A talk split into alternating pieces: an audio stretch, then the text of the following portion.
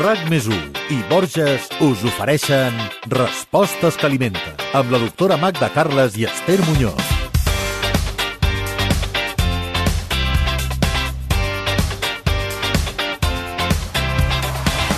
Tots sabem que amb les temperatures més altes cal hidratar-se amb més freqüència. Hem de beure més aigua, això ho tenim claríssim. Ara bé, quina és la dosi d'aigua bona i el millor tipus d'aigua? Van bé els sucs de fruites i les begudes isotòniques?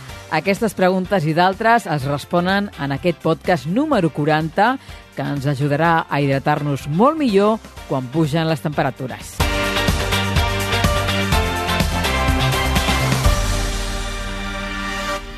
Magda Carles, la hidratació és bàsica ara en aquesta època de l'any. És bàsica sempre, però ara que fa més calor encara més. Llavors, mm -hmm. el primer que he fet quan he arribat ha sigut beure aigua. Sí, jo també, eh? sobretot eh, fent mm. ràdio, que encara és més important. Exacte. Per què? Per què? Quina és la raó per la qual doncs, el cos ens demana més hidratació? Doncs perquè més de la meitat del nostre pes és aigua. O sigui, quan naixem tenim aproximadament un 70% del pes que és aigua i quan anem envellint aquest tant per cent va baixant. Però fins i tot, siguent grans, tenim més de la meitat del pes del nostre cos que és aigua. I per tant, imagina't, no?, l'important que arriba a ser, no només perquè sigui la nostra composició, sinó perquè tots els processos fisiològics, o quasi tots, comporten aigua. Què és la saliva, sinó aigua? Els sucs de l'estómac, la sang, no? l'orina, tot, tot, tot, l'aigua sempre està pel mig. I clar, què passa? Quan fa més calor, el nostre cos utilitza, diguéssim, més, uh, més aigua perquè no ens rescalfem i, per tant, hi ha més requeriments d'aigua. Uh mhm. -huh. Quina seria la quantitat d'aigua que hauríem de beure a l'estiu? Mira, uh, donar una quantitat és molt difícil perquè depèn de cada persona. És a dir, uh, una, uh, començant pels sexes, eh? Els homes, els homes necessiten més aigua que nosaltres. Sempre hi ha els clàssics, dos litros per elles, dos litros i mig per ells. Mm -hmm. Per mhm. tant, ells ja mig litro més. Per què? Perquè tenen una composició diferent. Sempre ho hem dit. Ells tenen més musculatura, nosaltres tenem més grassa. Per, començant per aquí ja. Imaginem que som uh, del mateix sexe. Doncs uh, dependrà també de l'alçada que tinguem, del pes, de l'exercici que fem, de la temperatura ambient, del nostre caràcter. Som molt nerviosos, respirem moltes vegades o no, de com anem vestits, etc etc etc. És diferent estar en un edifici que no té cap tipus de climatització, que està amb l'aire condicionat a tope, que tens que anar amb el jersei i t'has de tapar, sí, sí. saps? Uh, en fi, uh, és diferent una calor humida com la de Barcelona que una calor seca, saps? Amb una calor seca es perd molta, molta més aigua com una calor humida. Mhm. -huh. Per això, amb una calor humida, tenim aquella sensació encara de més xafagó. Per això el temps es, es diuen, sí, fan tants graus, però la temperatura, la sensació de xafagó és de tant, augmenta, perquè la humitat fa que tinguem més calor. Per tant, són molts factors, eh? Ens deies que un d'ells és l'edat, no? Sí, eh, sí. Què, què succeeix, no? Eh, quan som petits, eh, quan ens fem adults i quan som grans, no? Quines diferències hi ha pel que fa veure, al consum d'aigua? Mira, clar, com som petits, com que hi ha més, menys massa corporal, necessitem menys aigua que d'adults. Però, per exemple, una persona persona que està embarassada i que està fent un nou, una nova criatura augmentarà la seva dosi d'aigua. No en parlem d'una persona que està lactant, que està donant el pit. Clar, tu cada dia fabriques 500-600 centímetres cúbics de llet, que el 90 i pico per cent és aigua. Doncs aquella, tens que tenir molta set, obvi. Imaginem-nos un atleta una d'aquestes persones maratonianes, o encara que sigui fer esport al sol, bueno, increïble, o una persona que treballa a una temperatura elevada, imaginem un flaquer, per exemple, per dir alguna cosa, uh -huh. o una persona que treballa en una indústria que, que hi ha una temperatura considerable, o un obrer de la construcció que està al sol, que ho veiem cada dia ara, com estan fent obres i que ja fa, ja fa molta calor. Totes aquestes persones necessiten beure molta aigua. Uh -huh. O sigui que són moltes les situacions que canviaran aquestes, aquestes necessitats. No? I les persones grans? Persones grans són especialment vulnerables perquè tenen un petit problema, uh, per dir-ho d'alguna manera, i és que tenen poca sensació de set o tenen menys sensació de set. Amb cada persona és diferent, però és veritat que a partir dels 60-65 anys, dependrà de cada un, com sempre, sempre hi ha unes grans variacions interindividuals, doncs la sensació de set minva. Aleshores tu has de veure sense set, d'alguna manera. I moltes vegades les persones grans no ho fan. Si sumem això, que moltes vegades prenen pastilles doncs, que són diurètiques, que perden més líquid, que poden tenir problemes intestinals, etc, etc, doncs, esclar, eh, resulta que les persones grans són un, són un grup de risc uh mhm. -huh. pel tema de la deshidratació. No? Uh mhm. -huh. eh, parlàvem de, de la importància de l'aigua a l'estiu. Sí. És, és bastant diferent no? al que passes durant l'any, no? Sí, clar, perquè a l'estiu tenim més calor. Doncs només per això en el cos es posa uns mecanismes en marxa perquè el, el, el cos no rescalfi. T'imagines, Esther, que el nostre cos anés agafant temperatura com temperatura com qui deixa el cotxe al sol? i anés pujant, pujant. No, tenim uns mecanismes de refrigeració. Quins mecanisme és? Bàsicament la suor. Què és la suor? És aquest líquid que surt de la nostra pell, les glàndules sudorípares, i que a l'evaporar-se elimina calor del cos. Clar, si a la temperatura ambient hi afegeixes que estàs fent exercici que també genera calor, la suor augmenta. Per tant, perdem calor per la respiració, però també perdem calor per la suor. Mm. És a dir, és, són màquines que tenim circuits de refrigeració. Però, clar, què passa? Que, en, que aquest circuit provoca pèrdues d'aigua, amb la qual la set augmenta i la set augmenta d'aigua. Mm -hmm. Aquesta suor ens va bé perquè ens refresca, el cos, però fa que tinguem que beure més. I quins riscos podem córrer, Magda, a nivell de salut si no bevem l'aigua necessària que ens demana el cos? A veure, si no bevem l'aigua necessària, però és una petita diferència, no notarem pràcticament res si som persones sanes. Ara bé, a partir de l'1%, que ja es dispara una mica la sensació de set, doncs podem estar com més cansats. Entre l'1 i el 2% de deshidratació, doncs eh, estem més cansats, ens concentrem menys. A vegades al matí, quan dius, ai, és que estic, estic rara, estic cansada, però no sé per què, perquè és que he esmorzat i porto dos cafès. A vegades falta l'aigua falta l'aigua, saps? I, no, no, I com que no tenim gana, pensem, no ens falta res. No, no, falta el líquid, saps? Per tant, doncs, això en casos lleus. Clar, si comencem a augmentar el tant per cent de pèrdua d'aigua que no, que, no, que, que no la substituïm, llavors cada vegada hi ha, més, hi, ha més, hi ha més símptomes, no? Evidentment, pot anar des del mal de cap fins a que fa mal tot, fins que al un 5-10% del, de pèrdua ja, ja fallo multisistèmic. No? Clar, Vull pot haver-hi eh, problemes a, a òrgans concrets del cos. Evidentment, el cos el que fa és, uh, va, diguéssim, preservant els, els òrgans diana més importants, el cor, el cervell, els ronyons, però, per exemple, va traient la irrigació de, de, de, de la pell, de coses menys importants, no? Però, tu, evidentment, per si tu vas arrugant, no?, d'alguna manera, quan estàs deshidratada, perquè, uh, el, clar, el cos guarda aquella aigua, aquella poca aigua que tens, pels òrgans, diguéssim, importants. Però, repeteixo, això quasi, quasi seria passar set, seria trobar-se al mig d'un desert quan tu no tens aigua, no? Mai arribem, afortunadament, en aquests límits, no? Sí que és perillós per la pèrdua d'aigua quan fas export extrem i fa una temperatura elevada Aquí sí que hi ha un risc de deshidratació, clar. O persones, per exemple, que tinguin només un ronyó, no? Persones que tinguin un ronyó, persones, per exemple, que prenguin diurètics i que siguin grans i que tinguin, a més, problemes intestinals. Clar, perquè l'aigua es pot perdre també per, amb una diarrea, per exemple, amb un vòmit, amb les dues coses alhora. Clar que sí, el diurètic fa que orinis més. Però imagina que tens, a més, trastorns intestinals amb una d'aquestes típiques intoxicacions d'estiu, per exemple. Imaginem-nos, no? És un senyor de 80 anys que ha pres no sé què, que estava en mal estat i que comença a tenir diarrees i vòmits. Aquest senyor està perdent molta aigua molta aigua, molta aigua. Per això sempre diem, qui es pot deshidratar més? Els bebès i les persones grans. Uh -huh. Seguim amb, amb més curiositats sobre el tema de l'aigua. Sobre el tema de la hidratació, una cosa a tenir en compte també és si totes les aigües hidraten igual. A veure, totes les aigües poden servir per hidratar. És a dir, per donar-nos aquests requeriments d'aigua, quan parlem d'H2O, que necessita el cos tant si és de l'aixeta, com si és embotellada, com si és aigua mineral natural, aquest requeriment el tindrà. El que passa és que no totes les aigües aporten el mateix. És a dir, l'aigua, quan parlem d'aigua, aquesta aigua que tenim, aquesta ampolla de plàstic d'aquí, és H2O, però també ha minerals. I aquesta és la diferència entre una aigua i l'altra, bàsicament. És a dir, l'aigua que bevem no és només aigua, Eh? És aigua amb minerals. Uh mhm. -huh. Llavors, segons una procedència o segons l'altra, tindrà uns minerals o tindrà altres.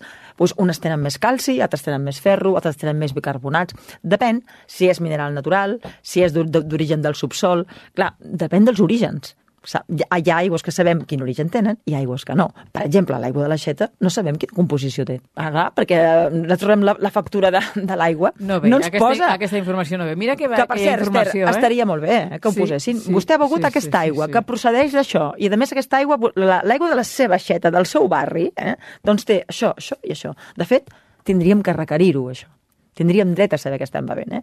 bueno, com tantes altres coses, no? Sí, sí. Però clar, mmm, hi ha aigües que no sabem l'origen com és aquesta, ni la composició. Quan tu vas al súper i compres una aigua que té l'etiqueta amb la seva composició, allà sí que sabem quina aigua estem bevent, uh mhm. -huh. no? A l'hora d'hidratar-nos és important el consum d'aigua, però també és veritat que l'aigua ens ve a través de l'alimentació. Evidentment, i de les begudes, òbviament. Clar, estem parlant d'aigua com un líquid pur, aigua, no? amb les seves diferents procedències.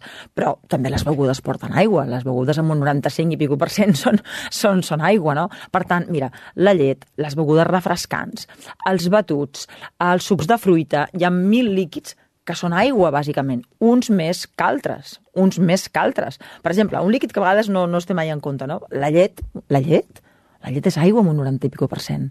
Clar, llavors té una mica de greix, té una mica de proteïnes, té una mica de carbohidrats, però és aigua, aigua, aigua, minerals i aquests nutrients que hem, que hem esmentat. Vull dir que mm, té aigua. Per tant, després de l'aigua podríem dir que la llet és la beguda més hidratant? No, no, és hidratant, però jo no diria que és la més hidratant. Seria més hidratant, per exemple, una beguda isotònica, una beguda Sí? que s'absorbís més ràpid. Perquè què, què entenem per més hidratant? Que t'hidrati més ràpidament? Clar, Que, que porta més aigua. Clar, eh, exacte, exacte. Una cosa és que t'hidrati més ràpidament, i una, o sigui, que tu, tu, perquè on absorbim l'aigua? Aquesta és una pregunta també, no?, que, que em faig jo mateixa. L'aigua l'absorbim amb una part a l'estómac i a l'altra a l'intestí. Per tant, una cosa és quina beguda porta més aigua, és a dir, si jo comparo, per exemple, un suc de fruites uh, d'un d'aquestes que venen del nèctar, que són molt dolces, que tenen molts sucres, i, per exemple, um, hi poso una beguda isotònica o un, un vas de llet, és evident que té més aigua el vas de llet o, o la beguda isotònica, no? Això és el que jo Això està clar. Però eh, agafant, diguéssim, la, les begudes, per què s'absorbeix més ràpidament? Clar, quan més dolça, quan més carbohidrats té, quan més espessa és aquella beguda, més tardarà a absorbir-se. Per tant, una cosa és la quantitat d'aigua i una altra cosa és la, el temps que tarda a absorbir-se. I què és el que ens interessa més? Home, si, si estem... La quantitat o el temps? Les dues coses. Les dues coses. Les dues coses. Ens interessa que porti la quantitat d'aigua que ens interessa, però també que s'absorbeixi ràpidament. I és evident que les begudes, quan, o sigui, quan menys carbohidrat portin, quan menys soluts portin, és a dir, quanta més osmolaritat té una beguda, que dit de forma simpàtica vol dir quan més contingut, a part de l'aigua, porti, més difícil serà de, diguéssim, d'absorbir. Petites quantitats, fins i tot hi ha estudis que diuen que afavoreixen la hidratació, però, per exemple, imaginem una beguda molt ensucrada molt dolça. Clar, a la, tardarà a absorbir-se, perquè el que és molt dolç retrassa el buidament de l'estómac. I com que s'absorbeix bàsicament en l'intestí, doncs eh, ens hidratarà, però més lentament. Val? En canvi, una beguda que porti molt poc sucre, poquíssim, doncs aquesta beguda ens interessarà molt més. Mhm. Has parlat dels sucs de, de fruita. Sí. Són hidratants, també? Sí, sí, sí, amb la seva mesura sí. Amb la seva mesura sí, però estem amb el que dèiem abans, Esther, que si són molt ensucrats o si són procedents del nèctar o de concentrat, doncs seran menys hidratants, per exemple, que l'aigua tal qual. Ara també t'haig de dir una cosa, el, el, els sucs de fruita tenen més minerals i tenen vitamines. Tenen la seva avantatge, també, saps què vull dir? Mm -hmm. Però en el tema d'hidratar, hidratar, doncs potser ens interessa més l'aigua. Vale, avui estem dedicant el podcast a la hidratació, per Sí. tant, ens quedem amb aquest missatge. Sí. I pel que fa al paper de les begudes refrescants, Mm. també ho són? Estem parlant sempre, dependrà de la composició. Si, per exemple, és una beguda refrescant que és ensucrada però té poc sucre, és a dir, hi ha begudes que són 15% de sucre i n'hi ha que són un 3-4%, no? Doncs si és poc ensucrada, ens irà molt bé. Si és un 12%, doncs no. Doncs no, perquè eh, ens hidratarà, però molt més lentament, que és el que dèiem abans. La quantitat de carbohidrats de les begudes marquen la velocitat d'hidratació. bé. Això és important, eh? Sí. Sí. Per tant, una cosa molt ensucrada, quan volem hidratar-nos, encara que ens agradi més el paladar, no ens interessa. Ens interessa una cosa que sigui un dolç més suau, eh, per dir-ho d'alguna manera. El gazpacho, que ara és molt típic a, Sí. a l'estiu, on estaria? On el col·locaries? Aquesta és una beguda molt hidratant. A veure, si és un gazpacho, diguéssim, de composició normal, si és un gazpacho que té la meitat d'oli, no, entens? Però si és un gazpacho que té una dosi discreta d'oli i té el, la seva sal i les seves verdures, imagina la quantitat de minerals i, de, i, de, i, i de, que també ens aporta. Però, en canvi, un 90 i pico per cent és aigua, perquè, és clar, hi ha les verdures que són... Hi ha la composició de les verdures, en realitat. sí. Hi ha l'aigua i la composició del tomàquet i de la ceba de l'all que puguis posar-hi, però bàsicament aigua. El gazpacho té tomàquet, però també hi afegeixes aigua. Per tant, és una beguda molt hidratant, jo la trobo molt recomanable, sobretot quan fas esport. Perquè quan sues molt, tens una pèrdua també de minerals. Per sodi, per potasi, per tots. Doncs el, un, un gazpacho diluït, per exemple, un gazpacho amb una mica d'aigua, Sí. és una molt bona beguda rehidratant. A part de molt nutritiva i molt antioxidant, eh? Doncs mira, va bé saber-ho i Sí, sí. tenir-ho en compte, no? Mm. Uh, I la famosa horxata? Què me'n Mira, dius? la trobo deliciosa, perquè a més és una beguda que, se- que se col·loca bé en el sentit de que pel, pel budell se col·loca bé. És una, és una cosa que és, que és, no sé, és agradable de prendre, no? A part que és molt d'aquí i té, bueno, en fi, té, té, té moltes virtuts. Però si està feta amb molt de sucre, si és molt espessa, passarà això que et deia jo abans, no? Que ens hidratarà menys. Uh, jo, jo quasi que et diria que seria bona per hidratar-nos l'horxata barrejada amb aigua. Mhm, Com Perquè- reduïda. Reduïda. Una horxata, igual que un gazpacho reduït, eh? Una horxata que vegis que és consistent, d'aquelles que són espesses, tu li poses aigua i pot ser una molt bona beguda refrescant, per què no? Refrescant i hidratant. I nutritiva, perquè clar, si, si està ben feta, porta, porta xufa, no? Per tant, porta minerals també, d'aquest petit tubercle, no?, amb la que fem la- l'horxata, que és boníssim, per cert. I tant. Anem amb el capítol de la cervesa. Ah, Ara a l'estiu el consum és molt elevat, puja, eh? Sí. És hidratant també? Sí, a la seva manera sí, però, però, clar que és hidratant, perquè té aigua, té aigua i això és així, però home, té un 4% d'alcohol com a mínim. Per tant, jo no sóc de les que recomano la cervesa per hidratar, perquè home, no, no, perquè només faltaria que diguéssim que la cervesa per hidratar, no? Sí, i, i, i a veure, dic això i sí que és veritat que hidrata, però jo penso que hi ha coses més adients per hidratar. És veritat que ho hem dit sempre, que dintre les begudes alcohòliques la cervesa és la que porta més aigua i menys alcohol. Per tant, ok, Val. però no és la top per hidratar-nos. Per hidratar-nos abans és l'aigua. Jo sempre dic, quan tu tinguis molta, molta set, primer fas l'aigua i després fas la cervesa. Mm -hmm. Amb això aconseguim dues coses. Què aconseguim? Primer, amb l'aigua aconseguim la beguda top per hidratar-nos. Estem parlant d'una persona normal, no, no d'un esportista d'èlite. I ja tindràs menys set. I llavors veu la cervesa. La beuràs més a poc a poc i, i probablement amb una en tindràs prou, no? Clar, perquè si dius m'hidrato amb cervesa, quanta cervesa beuràs? L'alcohol el té, deixa't estar. Vull dir, l'alcohol el té, té aigua, però també té alcohol. Hi ha persones que ho fan, això, eh? Jo no, jo, jo no, soc, no, soc, no soc partidària de dir que una cosa amb alcohol és hidratant. Què és el millor alcohol? Potser sí, que és la beguda que, que potser la més recomanable, però per hidratar-nos jo crec que tenim altres coses. I, Eh? I de la resta de begudes alcohòliques, què n'opines? pues mira, que fins i tot l'efecte pot ser el contrari. Clar, perquè pensa que l'alcohol eh, fa una certa vasodilatació, amb la qual augmenta la diuresi. Per tant, és, és el contrari. És molt agradable veure un vi fresquet, blanc a l'estiu, que tots ens agrada, amb la paella i amb el marís, no? Però, però aquest, aquest vi no, no està ni molt menys contribuint a la nostra hidratació. De veritat, al contrari. Al contrari. El vi no és la cervesa, eh? No, O és, sigui que és diferent. És molt diferent, eh? Sí, sí, sí, per tant, jo sempre dic que els vins han de ser un complement, mai una beguda per hidratar-nos, ni mai una beguda per, per perdre la set. Quan tu tens set, és aigua. Aigua o una beguda d'aquestes que hem nombrat. Doncs pues això, una beguda refrescant una mica diluïda, un, un suc de verdures, un gazpacho, però, però no una beguda alcohòlica. És que això jo crec que és l'ABC. Passa que a vegades passa que arribes al restaurant, no?, i et porten la beguda. I tu tens molta set. I clar, i tens aquell vinet blanc allà, i, no, i a més a vegades sense menjar res, fins i tot, no, Esther? Sí, sí. I, au, el vi a dintre. Diu, ja comences que... Comences malament. Comences fatal. No, malament. tenim que començar amb l'aigua. Jo sempre dic, s'ha de començar amb l'aigua. Mhm. Sempre. Aquest podcast l'emetem per primer cop a, a l'estiu, al juliol. Nosaltres durant tot el 2022 hem anat eh, omplint el nostre pot de píndoles per arribar en forma a aquesta estació de l'any. Avui eh, ens toca la tretzena píndola, que la relacionem doncs, amb el tema que hem tocat, que és la hidratació.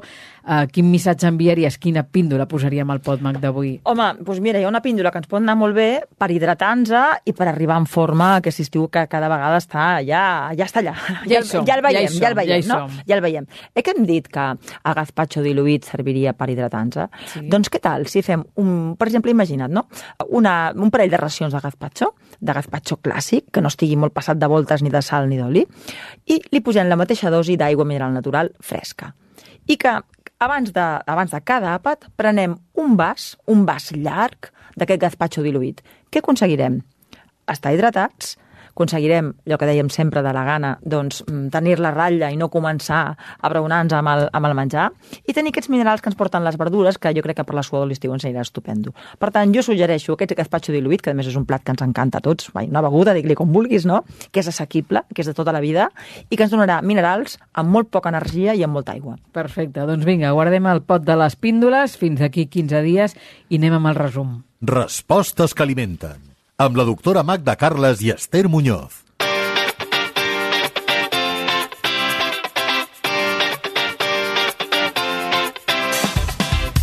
I arribats a aquest punt, Magda, doncs tocaria repassar algunes de les normes per estar perfectament hidratats a l'estiu.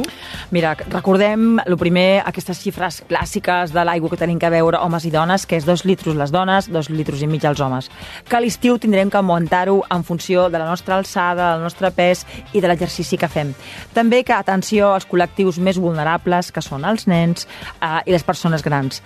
Atenció als esportistes, per suposat s'ha de dir que no s'ha de fer esport a l'hora del sol, això no cal dir. Un ABC és veure 20 minuts abans de començar beure una quantitat considerable d'aigua, 200, 300, fins i tot mig litro d'aigua, si és un esport intens amb temperatura elevada. I després al cap de 40 minuts, a cap de 20 minuts, perdona, anar-te rehidratant. Eh? Això com a consell bàsic. Eh? Més coses sobre l'aigua. Recordem que totes les aigües hidraten, però que no totes les aigües són iguales, perquè no ho són d'iguales. Vull dir, cada un té una composició diferent. Recordem que també hi ha begudes que aporten molta aigua, com és doncs, la llet en si mateixa, un suc de fruites, una sopa freda de verdures, no? la mateixa horxata, les begudes refrescants, això porta aigua i és indubtable que tenen un paper a l'hora de la hidratació. Recordem també que dintre les begudes alcohòliques doncs la cervesa seria la que porta més aigua, però que, tot i que és la millor en aquest cas, si no tenim res més, que abans que la cervesa està l'aigua. I, per últim, que recordem que les begudes alcohòliques, per més fredes que estiguin, doncs no són la millor opció per hidratar-nos, perquè l'efecte és el contrari. I encara vull afegir una cosa final, i és que l'aigua, quan és més hidratant, o les begudes, quan són més hidratants, que la temperatura també influeix, és de 10 a 15 graus. O sigui, no té que ser gèlida de 10 a 15 graus. Doncs mira, un molt bon apunt aquest, perquè no sí. n'havíem parlat de la temperatura de l'aigua. L'aigua protagonista a l'estiu i també durant tot l'any, n'hem parlat avui, i d'aquí 15 dies parlarem del marís, que també ho és. Ah, mira, hem parlat del vinet blanc, veus? T'he fet venir ganes, no, d'això, el marís? Sí, uh, moltíssimes. Per tant, ja estic esperant el podcast número 41, que serà d'aquí 15 dies. Ens retrobem, Magda? Doncs fins ara. Adeu. Adeu. RAC més i Borges us han ofert Respostes que alimenten, amb la doctora Magda Carles i Esther Muñoz.